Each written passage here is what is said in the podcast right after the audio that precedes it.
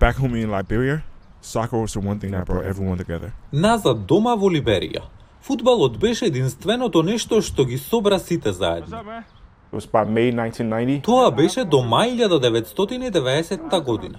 Во тој момент, бунтовниците се уште не пристигнале во Монровија. Тие беа во предградието на Монровија. Имавме среќа што бевме едно од ретките семејства што можеше да си дозволи да избега во тој момент. Така отидовме во Сиера Леоне. Стигнавме во Фритаун и живеевме во хотел. Во првите три месеци живеевме сличен живот како во Либерија, каде имавме собарка во хотелот со нас, имавме храна и се се чинеше дека е во ред.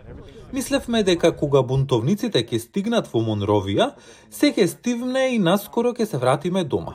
Бидејќи тоа беше нашата прва граѓанска војна и не го разбравме баш влијанието или големината на граѓанската војна.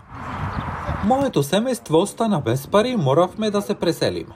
Во тој момент имав 11 години, па моравме сами да се крижиме. Така една работа што ја направи мајка ми беше да продаваме на улиците на Сиера Леоне. Како и со секое човечко суштество, вашето прво размислување е треба да земам нешто да јадам. Како да добијам нешто за јадење? Во овој момент морам се да продадам за да добијам нешто за јадење.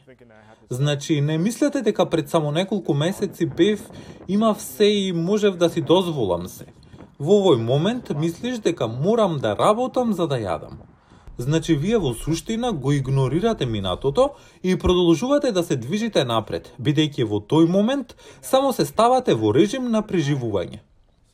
Кога прв пат дојдов во Соединетите држави во 90-тите, овие деца не беа навикнати на ништо што не беше чисто американска облека. Бевме исмејувани што носевме и како зборувавме. И уште полошо, бидејќи кога готвиме дома, готвиме со многу зачини. Така како што можете да замислите, ако живеете во мал стан со многу луѓе, вашата облека секогаш ќе мириса на храна и на зачини. Оженет сум со две деца. Живеам во предградие на Вирџинија. И каков совет би имал за нив? Мислам дека тоа оди подалеку од нив, нели? Оно што би го советувал секој млад човек е да работи напорно, да има интегритет и да гради добри односи. Треба да ги имате тие три работи како сидро во својот живот.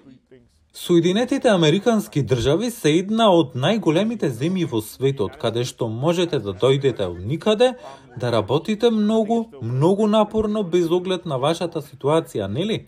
Но ако се посветиш и си искрен, добро ќе ти оди. You dedicate yourself and you are honest, you do well. Тоа покажува колку добар готвач сум јас.